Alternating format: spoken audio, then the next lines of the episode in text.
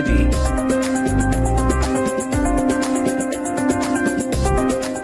بسم الله الرحمن الرحيم. والسلام عليكم ورحمة الله وبركاته. أحلى مستمعين مستمعي ألف ألف أف أم الموجة السعودية مستمعي برنامج طباب اللي بيجيكم يوميا. من الأحد للخميس بإذن الله. معي أنا نهى سعدي من الساعة واحدة للساعة اثنين بعد الظهر ساعة خفيفة لطيفة.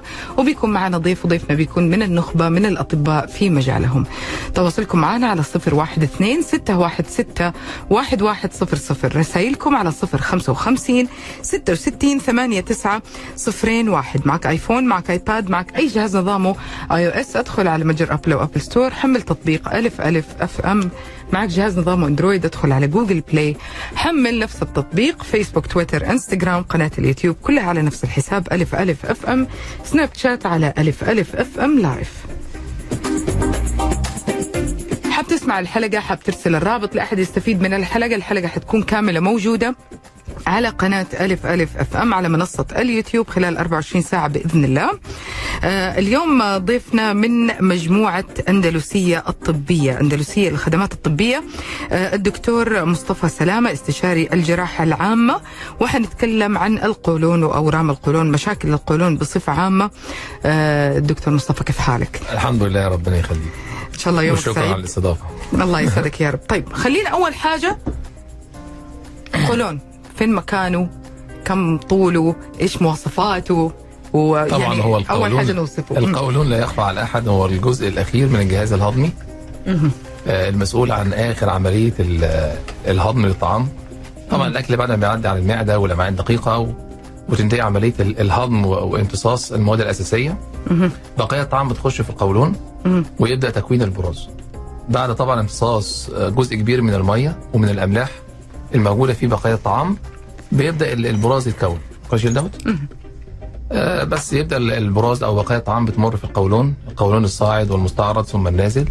ثم بعد كده الطعام بقايا الطعام أو البراز بيخش في المستقيم ويقعد فترة أطول شوية لغاية وقت طبعا التبرز آه، وتنزل بقايا الطعام في صورة البراز المعروف.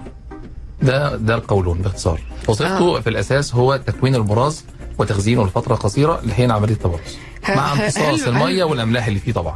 آه هل هل هل هو من ال ال ال المشاكل اللي ممكن تحصل له؟ هل تعتبر الوراثة فيها عامل قوي؟ الوراثة فيها عامل قوي في بعض الأورام في القولون والسرطانات.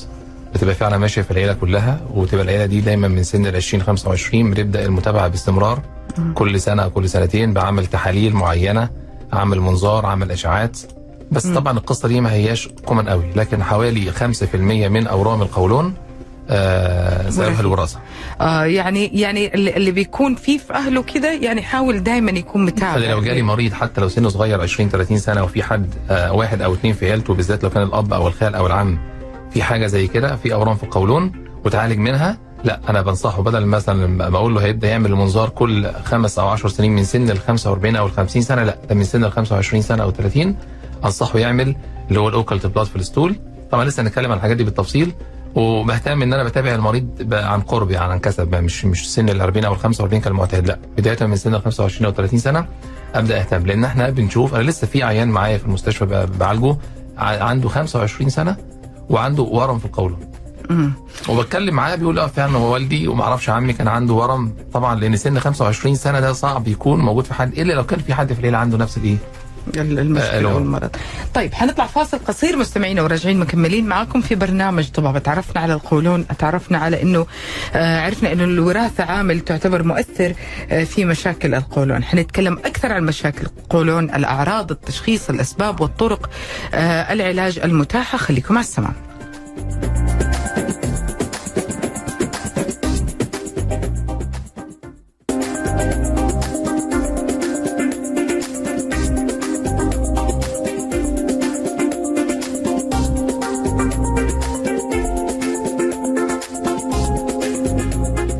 طيب آه مكملين آه، معاكم ووصلنا لموضوع حلقتنا. ال ال أنا متى أروح الطبيب؟ لو أنا شخص سليم ما عندي العامل الوراثي متى يستدعي الأمر إنه أنا أروح لطبيب مختص في جراحة أو القولون أو ال- المشكلة هذه تحديدا؟ هل في مواصفات معينة ممكن أو أعراض معينة ممكن أتعرض لها؟ في أعراض معينة لو المريض اشتكى منها لازم يزور طبعا الجراح أو دكتور الباطنه اللي هو في الغالب هيحوله عليا.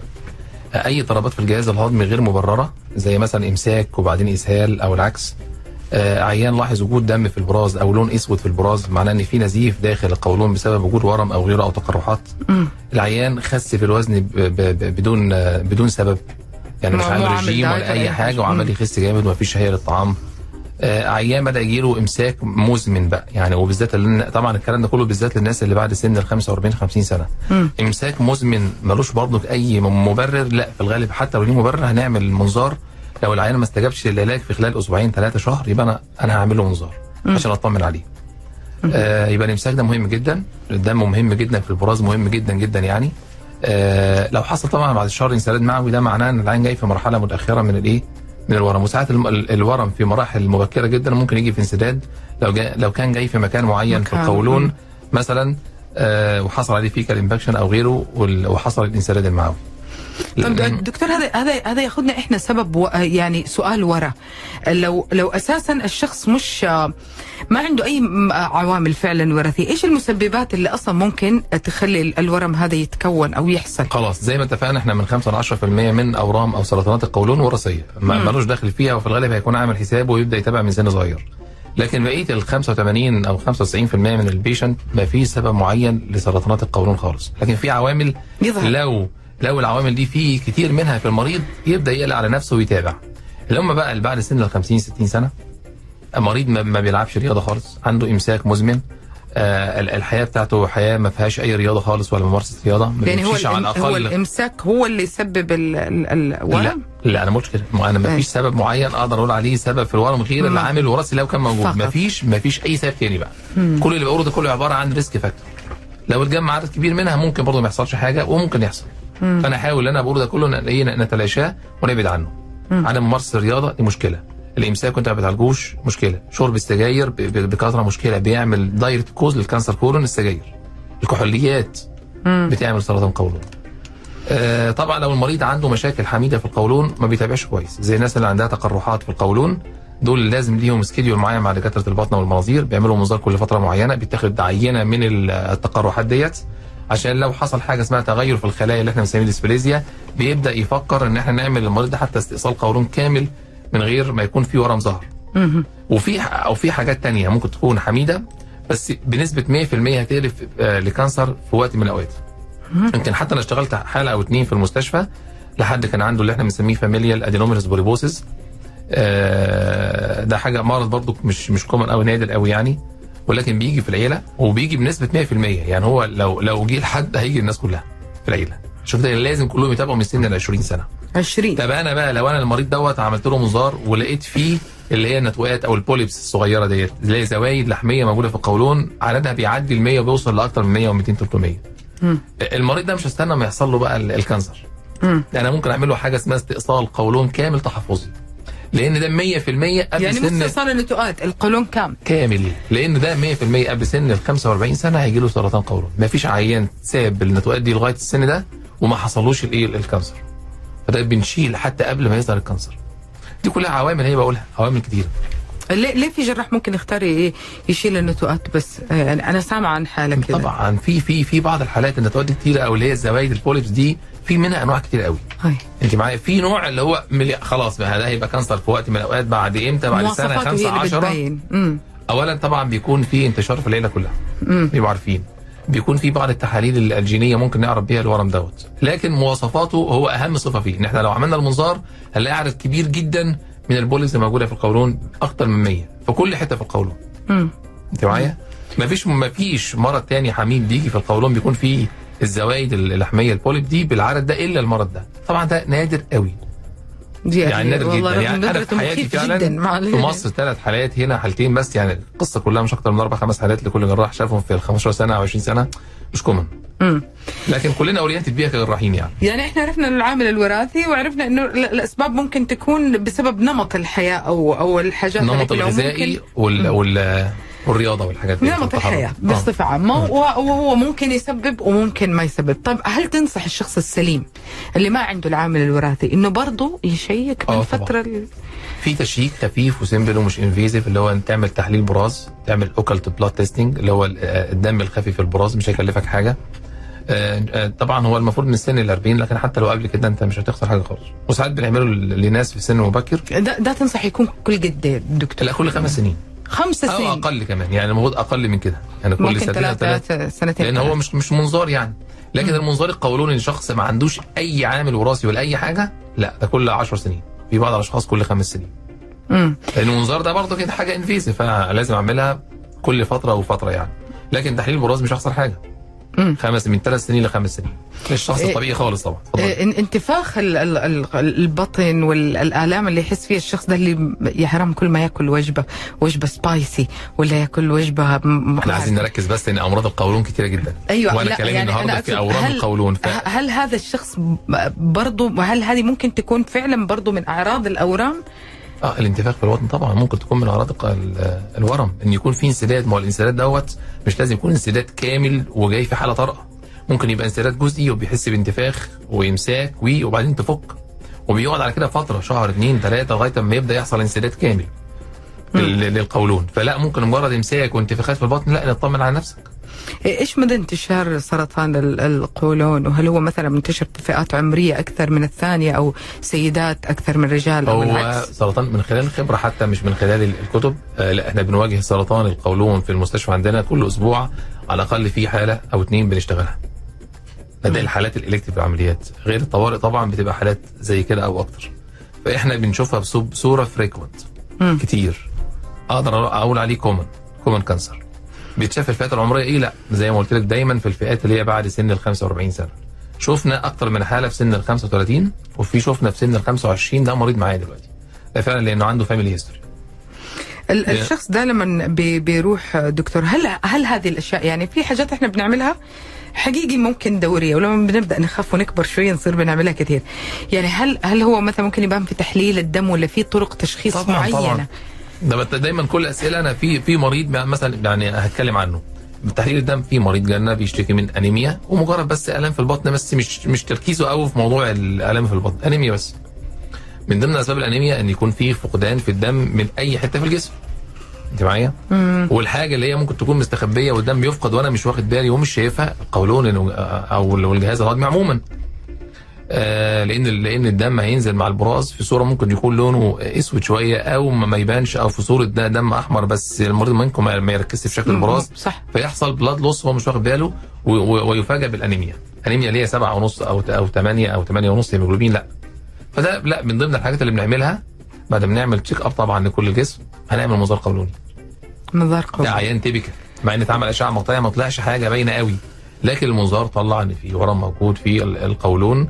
في نهاية القولون المستعرض بداية القولون النازل ونتعمل له عملية بالمنظار. وطبعا عايزين نتكلم شوية باستفاضة بقى شو- شوية عن الإمكانيات اللي بتقدمها المستشفى في حالات استئصال القولون أو استئصال أورام القولون. وده ده المين توبيك بتاعنا إن إحنا بنستأصل ال- القولون دلوقتي بالمنظار عندنا في المستشفى. مش بالفتح التقليدي الفتح 20 30 سم بطول البطن اللي هو معرض ل إن يحصل فيه فتاء تجمع دموي آه، يحصل فيه حاجات كتيرة مشاكل مع الوقت آه، التصاقات داخل البطن بصورة كبيرة بت- بتؤدي بعد كده مع الوقت لانسداد معوي تاني بعيد عن الورم. لا إحنا بنعمل عملية بالمنظار يعني أربع فتحات أو خمس فتحات صغيرة ما بتعديش سنتي. وفي الآخر بعد ما بنستأصل الورم والقولون والغدد الليمفاوية وكل حاجة بنطلع القصة دي كلها من فتحة صغيرة لا تتعدى 5 سم من منطقة اللي هي الفلشتين اللي هي منطقة الايه القيصرية عند الفيميل. فتحة صغيرة ودي بقى ما بيحصلش فيها اللي بيحصل في الجروح الكبيرة. هل في أحد لسه بيعمل الجروح الكبيرة؟ لا طبعا في أكتر من 80% من الحالات لأن الحالات بتيجي في صورة انسداد معوي دي مشكلة. انسداد معوي البطن منفوخه لا طب أنا هضطر إن أفتح. مم. غصب عني انسداد المعوي الكامل مش هينفع أخش بالمنظار لأن مفيش مكان أعرف أخش وأشوف آه، القولون أو التجويف في البطن بالمنظار. فالحالات اللي بتسيب نفسها للمراحل النهائية ودي بنشوفها كتير.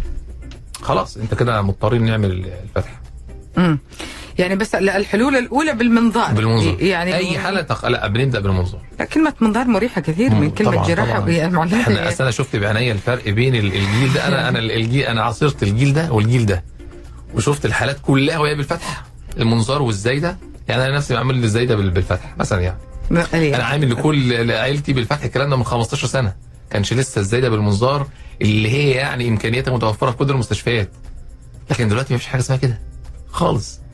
إزاي يعني منظار بنسبة 99 9 من 10 مثلا منظار لا يعني كلمة أه. كلمة منظار أقرب لكلمة إجراء سبحان الله بتكون مريحة حتى للمريض آه. مرة كثير يعني. حاجة.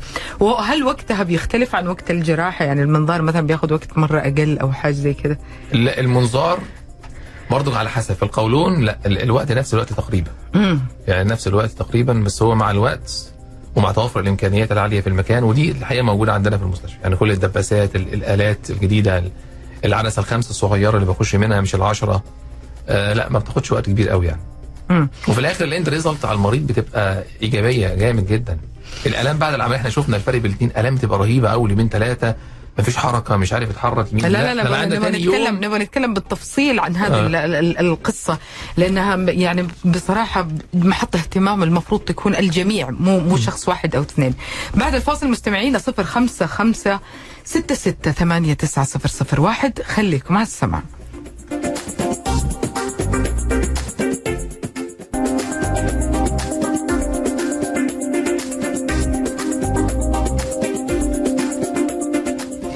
مكملين معاكم وعندنا سؤال هنا عجبني السؤال دكتور ال- الحالات اللي بتستأصل القولون آه، كامل كيف بتصير عندهم عملية الإخراج؟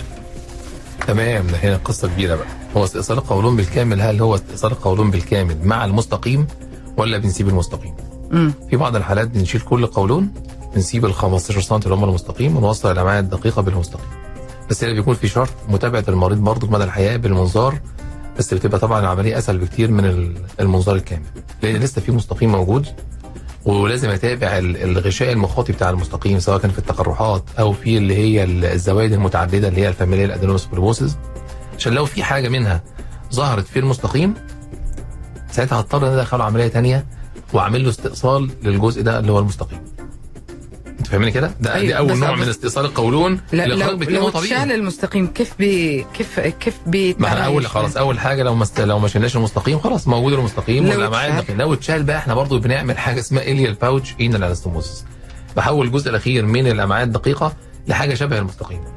وبوصلها بفتحه الشرج مباشرة. مم. دي عملية دقيقة جدا ومش سهلة. وليها برضو م- مشاكل وتوابع كتيرة. طيب نرجع لفترة النقاهة والخروج من مسألة الإجراء اللي حصل بين ال- الفرق بين المنظار آه عشان آه، وال وال والجراحة. آه وهل هي ممكن تكون اختيارية؟ هل ممكن يسأل المريض أنت ده متاح وده متاح أنت تختار؟ المريض بيسألني هتعمل عملية بالفتح ولا بالمنظار؟ هقول له مثلا بالفتح أو بالمنظار هو من حقه يختار. بس بيختاروا من حقي إن أنا أقنعه فين الصح وفين. الغلط. أنا من حقي إن أنا أقنعه أقول له لا هو الصح بالمنظار لأن الفايب بتاعته واحد اثنين ثلاثة أربعة. طب خلينا نتكلم آه. بالتفصيل أكثر عن فترة النقاهة والخروج ال ال أو الأصح العودة للحياة الطبيعية تمام. بين الجراحة وبين المنظار. عايزين نعرف إن أول من ثلاث لخمس أيام هي دي الفترة الحرجة بعد عملية استئصال القولون. آه بيكون المريض قاعد معانا في المستشفى على الأقل أول ثلاث أيام وساعات بيقعد لغاية اليوم الخامس قبل ما يمشي. مم. بيبدأ من نفس تاني يوم ممكن أو ثالث يوم بالكتير يبدأ يشرب. مم. آه ويبدأ ياكل بعديها على طول. بنتابع المريض آه بنتأكد إن مفيش أي مشاكل في القياسات الحيوية. الدرانق اللي إحنا حاطينها اللي كنا حاطينها مش جايبة أي مشاكل. آه مفيش نقص في الهيموجلوبين مفيش تورمات في رجليه آه مفيش ترجيع. الحاجات دي كلها نستبعد إن يكون في أي مشاكل حصل بسبب الجراحة. كده خلاص إحنا على اليوم الرابع أو الخامس ممكن المريض يخرج من المستشفى ويتابع معايا في ال في ال في, العيادة.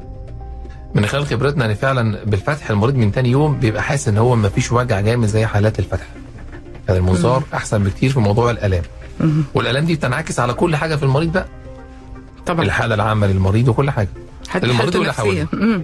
مم. يعني أنا أنا أنا بلاحظ المريض بالمنظار من تاني يوم بيجي يقوم من على السرير بيقوم لنفسه مع نفسه يعني بيسند نفسه لكن الفتح لا. ما يقدرش يقوم نهائي لازم حد يسنده أول 3 4 5 أيام. البين بيكون رهيب. جرح كامل. دكتور لغاية خمس أيام. كثير إيه؟ كثير يعني لغاية خمس أيام. بتتكلم على البين؟ آه، اي آه لا طبعا. لا بيقعد فترة طويلة عنده وجع. جامد في بطنه اللي كان فتح مم. بس طبعا الوجع ده وقت ال- والمسكن وهو مش شغال لكن المريض بياخد مسكن قوي جدا طبعا. بحيث إن أكثر من 80 90% من وقته مفيش آلام. الفرق الكبير اللي نبغى نسمعه لل- للمستمع بين التشخيص المبكر وإنه يطنش لحد ما يكون آه، الحالة تقدمت شوية والله فرق. المضاعفات. فرق. السهم الأرض والله بجد يعني فرق في كل حاجة فرق في العملية مم. وفرق كمان في ال في ال life expectancy بعد العملية قد إيه العيان اللي جاي دايما بانسداد في القولون بسبب إن في ورم في القولون وجاي في مرحلة متأخرة إحنا حتى لو عملنا العملية بتبقى القصة بتاعته بعد العملية مش مش لطيفة يعني أنا مش عايز أتكلم في الأعمار والحاجات دي لكن فرصة الحياة لفترة طويلة بعد الإجراء العملية لو جالي في مرحلة متأخرة فيها انسداد أقل بكتير من عيان جاي لسه ال- الورم في بدايته لسه في الغشاء المخاطي يا دوبك وصل للعضلة وأنا شخصته وشلت بالمنظار وكمان حللت الغدد الليمفاويه اللي أنا شلتها كلها طلعت سلبية والاشعاعات مش مطلعه حاجة في الكبد ولا في الرئة ولا في أي حاجة خالص. يبقى العيان تقريبا تشافى بنسبة تقريبا يعني 99 9 من الورم دوت. مجرد ممكن ياخد شوية كيماوي أو ما ياخدش على حسب طبعا دكتور الأورام وعلى حسب الغدد الليمفاوية ونوع الورم. لكن تقريبا تتعافى آه، تماما. وبالذات لو بالمنظار يبقى إذا الجروح كلها صغيرة وشلنا الورم وخلص الموضوع. على عكس اللي بيسيب نفسه لغاية مرحلة نهائية. دكتور ال- العلاج الكيميائي وال- والإشعاعي هل لهم علاقة في في يعني هل بيكونوا بالتزامن مع الإجراءات هذه كلها تمام ولا دايم؟ بص أورام المستقيم غير أورام القولون. أورام القولون دايما استئصال على طول. لكن أورام المستقيم وبالذات في أماكن معينة في المستقيم لا إحنا ممكن أصلا نبدأ بالعلاج الكيماوي والإشعاعي. المريض مش مش هلمسه. قبل ما ياخد الأول كيماوي وإشعاعي. عشان حجم الورم يقل شوية وبالذات لو كان الورم خارج بره المستقيم وقريب بقى من آه، الم- المثانه أو قريب من ال structures الموجودة أو الأعضاء الموجودة في الحوض. لا ده لازم أبدأ الأول اللي بنسميه neoadjuvant chemo and therapy وبعدين نعمل أشعة بالرنين تاني ونتاكد إن الورم حجمه قل فعلا ونبدأ نخش. مم. وده بي- بيفيدنا في حاجات تانية لأن ساعات أورام المستقيم بتبقى تحت قوي وقريب من الشرج بيبقى علاجها الجراحي ابتداء كده اللي إحنا بنسميه abdominoperineal resection اللي هو استئصال حتى فتحة الشرج وعمل فتحة براز جانبية آه، دائمة. ده, ده الكلام ده برضه كان من 20 30 سنة ده خلاص بقى ده على طول. لكن دلوقتي لا. هو ممكن ياخد كيماوي واشعاعي وال- والورم اللي هو ال edge أو اللي هو الحافة السفلى بتاعته اللي هي المفروض كانت بعيدة يا دوبك ما فيش سنتي أو اتنين من أعلى القناة الشرجية فأنا مش عارف آه، إن أنا أحافظ على المستقيم أو على الشرج. بعد ما ياخد العلاج الكيماوي والاشعاعي لا الحافة السفلى دي بتطلع شوية فوق سنتي واثنين وثلاثه كمان مم. فأعرف إن أنا أشيل المستقيم والورم وأوصل اللي معاه على فتحة الشرج بحيث المريض ما يضطرش أنا ما أضطرش أعمل له فتحة براز جانبية مدى الحياة. اذا الكيماوي والاشعاعي بقى ليه دور مهم جدا جدا.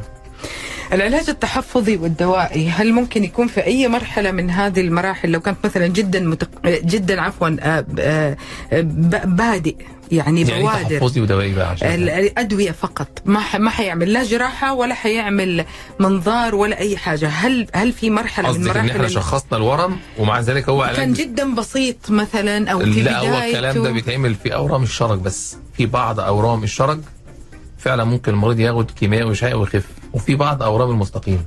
بعد ما يجي لنا المريض ونبعته للكيماوي والاشعاعي. يجي يتابع معانا نلاقي الورم اختفى. حلو. تماما. ده مش عارفين نعمل إيه. طب هنشيله؟ ما هو أخف تماما. هل هذا معرض لعودته؟ هو طبعا معرض. ده معرض طبعا لعودته. هل بقى إحنا طب إحنا نتابع ونسيبه؟ ولا نخش نستأصل؟ هي فيها ديبيت الحتة بس طبعا في الغالب نستأصل في كل الأحوال. آه آه. لكن لكن فت- فتح الشرج نفسه أو القناه الشرجيه في بعض اورام كتير لا علاج كيماوي بس وشاي بس وخلاص. لكن طالما دخل في المستقيم حتى لو خد كيماوي وشاي وخف هيبقى بعد كده في جراحة هل في استئصال ممكن يكون جزئي مو كامل للقولون؟ أنا عمر أنا ما بستأصلش جزء كامل للقولون إلا في الحالات النادرة دي بس مم. لكن بقية الحالات أنا بستأصل الورم وجزء حواليه 5 ل 10 سم حواليه بس يعني جزء من القولون مش هيزيد عن مثلا 15 سم 20 سم على حسب مكانه وسايب له المتر و20 سم الباقيين ما موجودين مم. الأورام بتكون ورم ولا أورام؟ ولا ممكن تكون ورم واحد وعدة أورام؟ شكلك مذاكرة.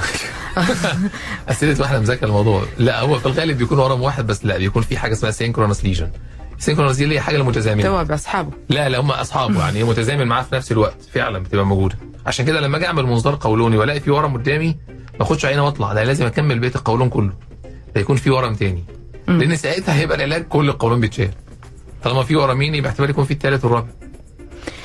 غشاء البطن ال- الأعضاء الثانية اللي في البطن ال- ال- هل بنشوفها برضه في طبعا. دورها مهم جدا وبيأثر على قرار العملية. وهعمل إيه في العملية؟ كيف- لو دخلت ولقيت فعلا لو الأشعة المقطعيه من الأول مطلعة إن في ورم وصل للكبد أنا هتأنى. لأن هبدأ أقرر بقى هل في بؤرة واحدة ولا بؤرتين وفي ناحية واحدة من الكبد ولا ناحيتين. ممكن أستأصل هذا الورم من الكبد في نفس الوقت ولا بستأصل القولون ولا لأ. أنت معايا؟ فانا بتأنى. مش هستعجل وأعمل جراحة غير لما نعمل حاجة اسمها MDT لازم نراقي الأورام مع مع الجراح مع دكتور الباطنه طب أنا هخش على طول اشيل الاثنين ولا لأ؟ وبرضك وأنا داخل بالمنظار لو لقيت إن الورم وصل للغشاء البريتوني ومغرق كل البطن ممكن ما يبانش في الأشعة المقطعية. يعني إذا الم- المريض هنا في مرحلة نهائية بعد يعني وأنا اكتشفتها أثناء العملية طب أنا هعمل إيه ساعتها؟ اصل كده كده هيتم استئصال القولون حتى حتى لو القولون. مثلا آه، آه، هل هل هذه من الحالات اللي ممكن تعالجها ال ال آه، الإجراء اللي هو التسخين الكيميائي ال ال ال ال ممكن ولا برضه حيستأصل؟ أنت قصدي كانت تسخين كيميائي اللي في في في في واحدة من العلاجات كده، أيوة. في بعض أورام أو سرطانات ال- الغشاء البريتوني مم. بيبقى علاجها أصلا بالكيماوي بس أنت معايا. وبيكون بتكون في درجة حرارة عالية. بس ده مش موضوعنا خالص ده حاجة تانية خالص. ما قصه كبيرة قوي مالهاش علاقة بدي. ما له دع- ما له دخل في الق... يعني لا، لا، القولون رايح على الاستئصال رايح على الاستئصال بطريقة. أو لازم يعني آه، يتهيألي إنه إحنا اللي استفدناه يمكن من الفقرات اللي فاتت ال- الفقرة الجاية حنتكلم عن ال- الوقاية وطرق الوقاية إنه مو طبيعي قديش أهمية التشخيص المبكر. يعني لو الشخص اهتم فعلا في كل الأحوال من أنه يفحص نفسه من فترة لفترة في الأوقات بعدين الدكتور ما قال لكم أنه كل ستة شهور ولا كل شهرين دي ممكن تكون كل سنتين ثلاثة بتكون كافية لاكتشاف الأورام. آه، لا سمح الله إذا كانت موجودة بصورة جدا مبكرة والمبادرة على طول في علاجها والسيطرة عليها. حنطلع فاصل قصير مستمعينا راجعين مكملين معاكم برنامج طبابة. خليكم على السماع.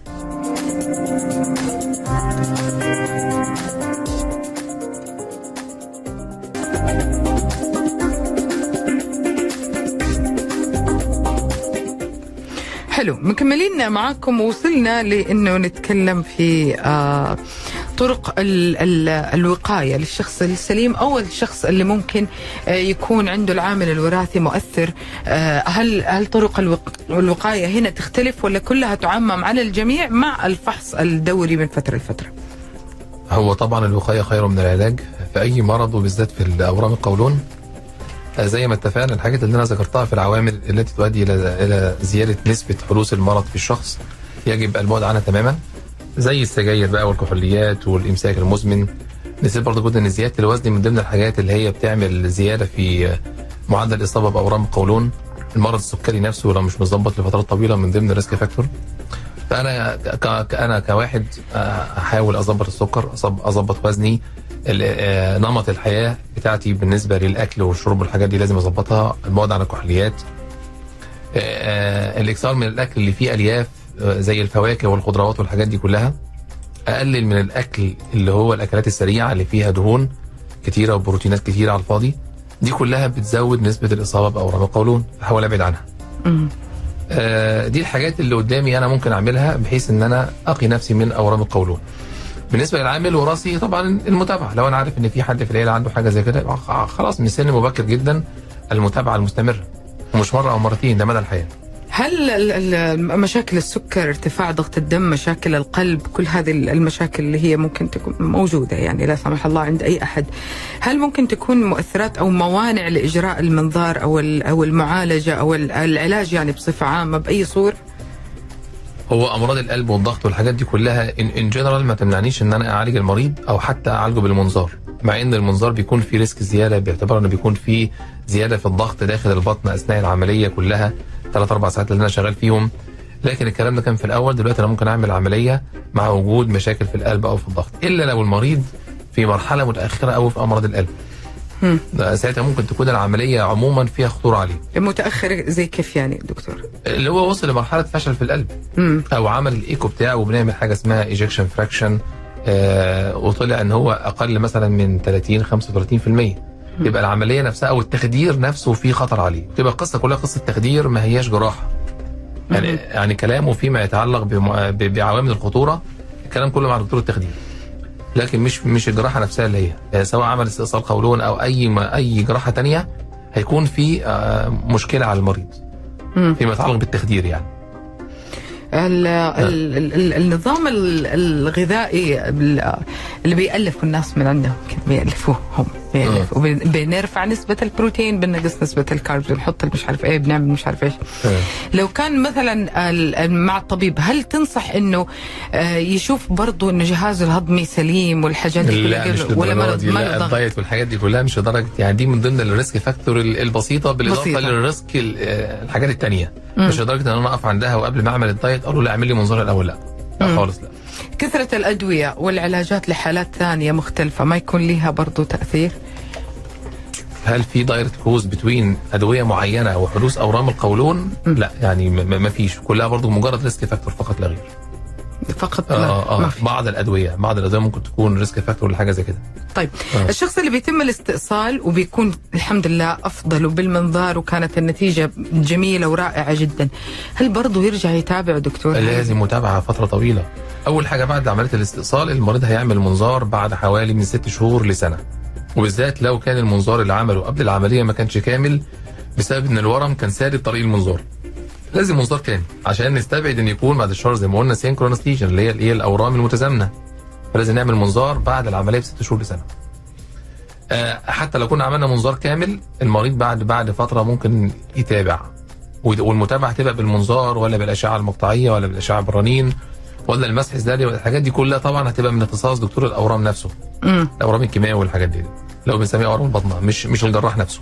مم. آه، انت معايا؟ اتفضل ال- المضاعفات بين المنظار وبين الجراحة التقليدية آه، بتكون فين أعلى؟ وأكيد هي في الجراحة التقليدية لكن تمام. هل المنظار ليه برضه مثلا لا سمح الله حاجة؟ هو بص العلاج بالمنظار ممكن يكون فيه risk فيه خطورة أعلى. إمتى؟ لو كان الجراح مش well trained على المنظار. مم. ما عندوش ال talent إنه يشتغل الحاجات ديت بالمنظار. هنا ممكن تكون فعلا لا قصة أخطر كمان من الفتح. الفتح هيكون بالنسبة للمريض والجراح يبقى أفضل. لكن لو في إمكانيات موجودة في المستشفى. والدكتور عنده القدرة إنه يعمل العملية دي لا هنا لا خلاص بقى يبقى فعلا الفتح هيبقى أخطر بكتير. كمان المنظار بيديني فرصة إن أنا أشوف البطن كلها وأعمل استكشاف كامل. وبعدين أستأصل القولون وأستأصله كمان من جدره من جدر الشرايين اللي بتغذي القولون. وبالتالي هقدر أشيل كل الغدد الليمفاوية اللي هي آه، بتاخد خلايا سرطانية من الورم اللي موجود في الجزء ده من القولون. انت فاهمني كده؟ وبالتالي بعمل بعمل curative excision من تحت خالص. مم. آه. دكتور إيش بيميز أندلسية؟ يعني هل هو المنظار في كل مكان نفس ال ال نفس الجهاز أو نفس الإجراء ولا في حاجات معينة يعني كثير نسمع كلمة إمكانيات لكن ال- المريض حقيقي ما عارف يعني إيش المقصود لا إحنا ما عندنا كل حاجة بس ما عندنا هذه ال- الإمكانيات هذه ناقصة هذا كذا والله يعني الحقيقة ما هو ما فيش حاجة ناقصة أنا ما شفتش حاجة في العمليات متعلقة بأي بأي جراحات منظار ناقصة يعني كل الآلات الدقيقة موجودة عندنا العدسات الصغيرة الخمسه موجودة عندنا آه الآلات باطوالها المختلفة موجودة. استشاريين التخدير وال ICU والحاجات دي كلها لا متوفرين. فما فيش حاجة عندنا ناقصة آه في المستشفى خالص. تمنعني إن أنا أشتغل الحاجات ديت بال- بالمنظار. نهائي. أنا اشتغل لا ف- لا لا مو ما, ما. فهمت سؤالي دكتور. أنا أقصد إنه مثلا مستشفى الاندلسيه الأندلسية بتتميز بوجود الإمكانيات كلها. إيش تمام. الإمكانيات اللي ممكن تكون مثلا ناقصة في أي مكان ثاني ولا هي الأجهزة بص لا بتختلف؟ استئصال القولون بالمنظار بيعتمد رقم واحد طبعا على الجراح يكون بيعمل الحاجات ديت وبيعتمد على بعض الآلات اللي موجودة. يعني حاجات بسيطة قوي مثلا زي مثلا حاجة اسمها wound protector أنا عشان بعد ما استأصل القولون وأشيل الورم مش هينفع أطلعه من الجلد الفتحة الصغيرة. كده ممكن خلايا تنتشر أصلا في الجرح نفسه وألاقي المريض جاي لي بعد فترة عنده ارتجاع في الجرح بس. أنا بقول لك مثال صغير بس العبارة عن حاجة اسمها ويندو بروتكتور بنحطه. لا فلا الحاجات دي موجودة في مستشفى الأندلسية واكيد موجودة في مستشفيات تانية كبيرة قوي بس على الأقل أكتر من 80 حاجة و80% من المستشفيات اللي هي العادية مش هيكون في إمكانيات سواء كان جراح أو آلات عشان أعمل استئصال للقولون بالمنظار. وبالتالي هو المريض لو طلب استأصل القولون بالمنظار أكيد المستشفيات اللي هي ما فيهاش الإمكانية دي لازم تحولها لأحد المستشفيات اللي بتشتغل بالمنظار زينا. آه، دكتور عندنا دقيقتين. آه، حابة أسمع رسالتك لل- للمستمع في في في هذا المجال وفي تخصصك. أكيد بيتعبوك أوقات بيكون بيروح ما بيرجع ولا بيتردد أو بيخاف. وفي ناس بتختار تع- الجراحة التقليدية بيقول لك أنا ما أحسن لي أو أفضل لي أو فر لي في بعض الأحيان. المهم بيألف أي أنا حاجة أنا رسالتي عشان يتهرب أنا شفت بعينيا الاثنين الفرق بين المريض اللي جه في مراحل مبكرة جدا والمريض اللي جاي في مرحلة متأخرة. لا بجد والله الفرق بين الاثنين شاسع. التاني بيرجع لحياته ال- ال- الوظيفية وحياته العائلية وحياته الرياضية بيعمل كل حاجة على طول لأنه شخص المرض بدري لأنه اهتم. ما سابش نفسه لغاية ما وصل لمرحلة متأخرة جدا. فبالله عليكم الوقايه خير من العلاج. طبعا الحاجات دي كلها معروفة. سواء تخس في الوزن تاكل أكل صحي تكتر من أكل الفواكه تقلل من الأكلات اللي فيها دهون على الفاضي. الحاجات دي كلها لأي مرض مش القولون بس. بس أنا بالنسبة لي أنا أنصح الناس بعد سن ال 40 45 سنة مش هتخسر حاجة لو عملت تحليل البراز الدم الخفي في البراز. ومن سن حتى ال 50 سنة يا ريت تعمل منظار مرة. على فكرة screening موجود بره إن الشخص طبيعي خالص يخش يعمل منظار كامل كده وخلاص. فإنه هو هل هذه هل هذه التحاليل ممكن تكشف أكثر من حالة وتريح ال- المريض أو المراجع من أكثر من شيء في نفس الوقت ولا هي بس مختصة في اب هتفيدني طبعا في أورام المعدة والأمعاء الدقيقة والغليظة وتقرحات القولون وحاجات تانية كتير حتى ال breast الحاجات دي كلها هشخصها باللي هو الجنرال اللي هو بقى صورة دم كاملة والسيوله ووظائف الكبد ووظائف الكلى. آه هنعمل طبعا في السن بعد برضه ال female بعد ال 40 سنة بتعمل ماموجرام. أشعة تلفزيونية على البطن فريكوانت كل فترة مش مش هخسر حاجة حقيقة يا جماعة مم. كل الأطباء اللي زارونا في في في في برنامج طبابة على مدى السنين هذه اللي راحت كلها أكثر ما يهتموا فيه ومن قلبهم أحسها التشخيص المبكر الفحص المبكر. بيساعدهم وبيساعدك وفي الآخر يبغى مصلحتك يبغى يشوفك في يعني مو هين على الطبيب إنه يفقد مريض عنده بسبب بس تأخير بيكون معدله يمكن سنة أو سنتين ولا شهر ولا شهرين. حلقتنا انتهت آه، مستمعينا. آه، شكرا دكتور مصطفى يعطيك العافية. عفوا عفوا. في النهاية نقول الله يشفي كل مريض ويرحم كل متوفي ويجبر خاطر قلب كل شخص مفارق. آه الله يحقق أمانيكم ويستجيب دعواتكم. أتمنى لكم عطلة نهاية أسبوع رائعه بإذن الله. على أمل يجدد لقائي فيكم الأحد القادم في حلقة جديدة من برنامج تيمبو الساعة 11 الصباح. شكرا خالد معانا من الكنترول. فما الكريم وانتبه لبعض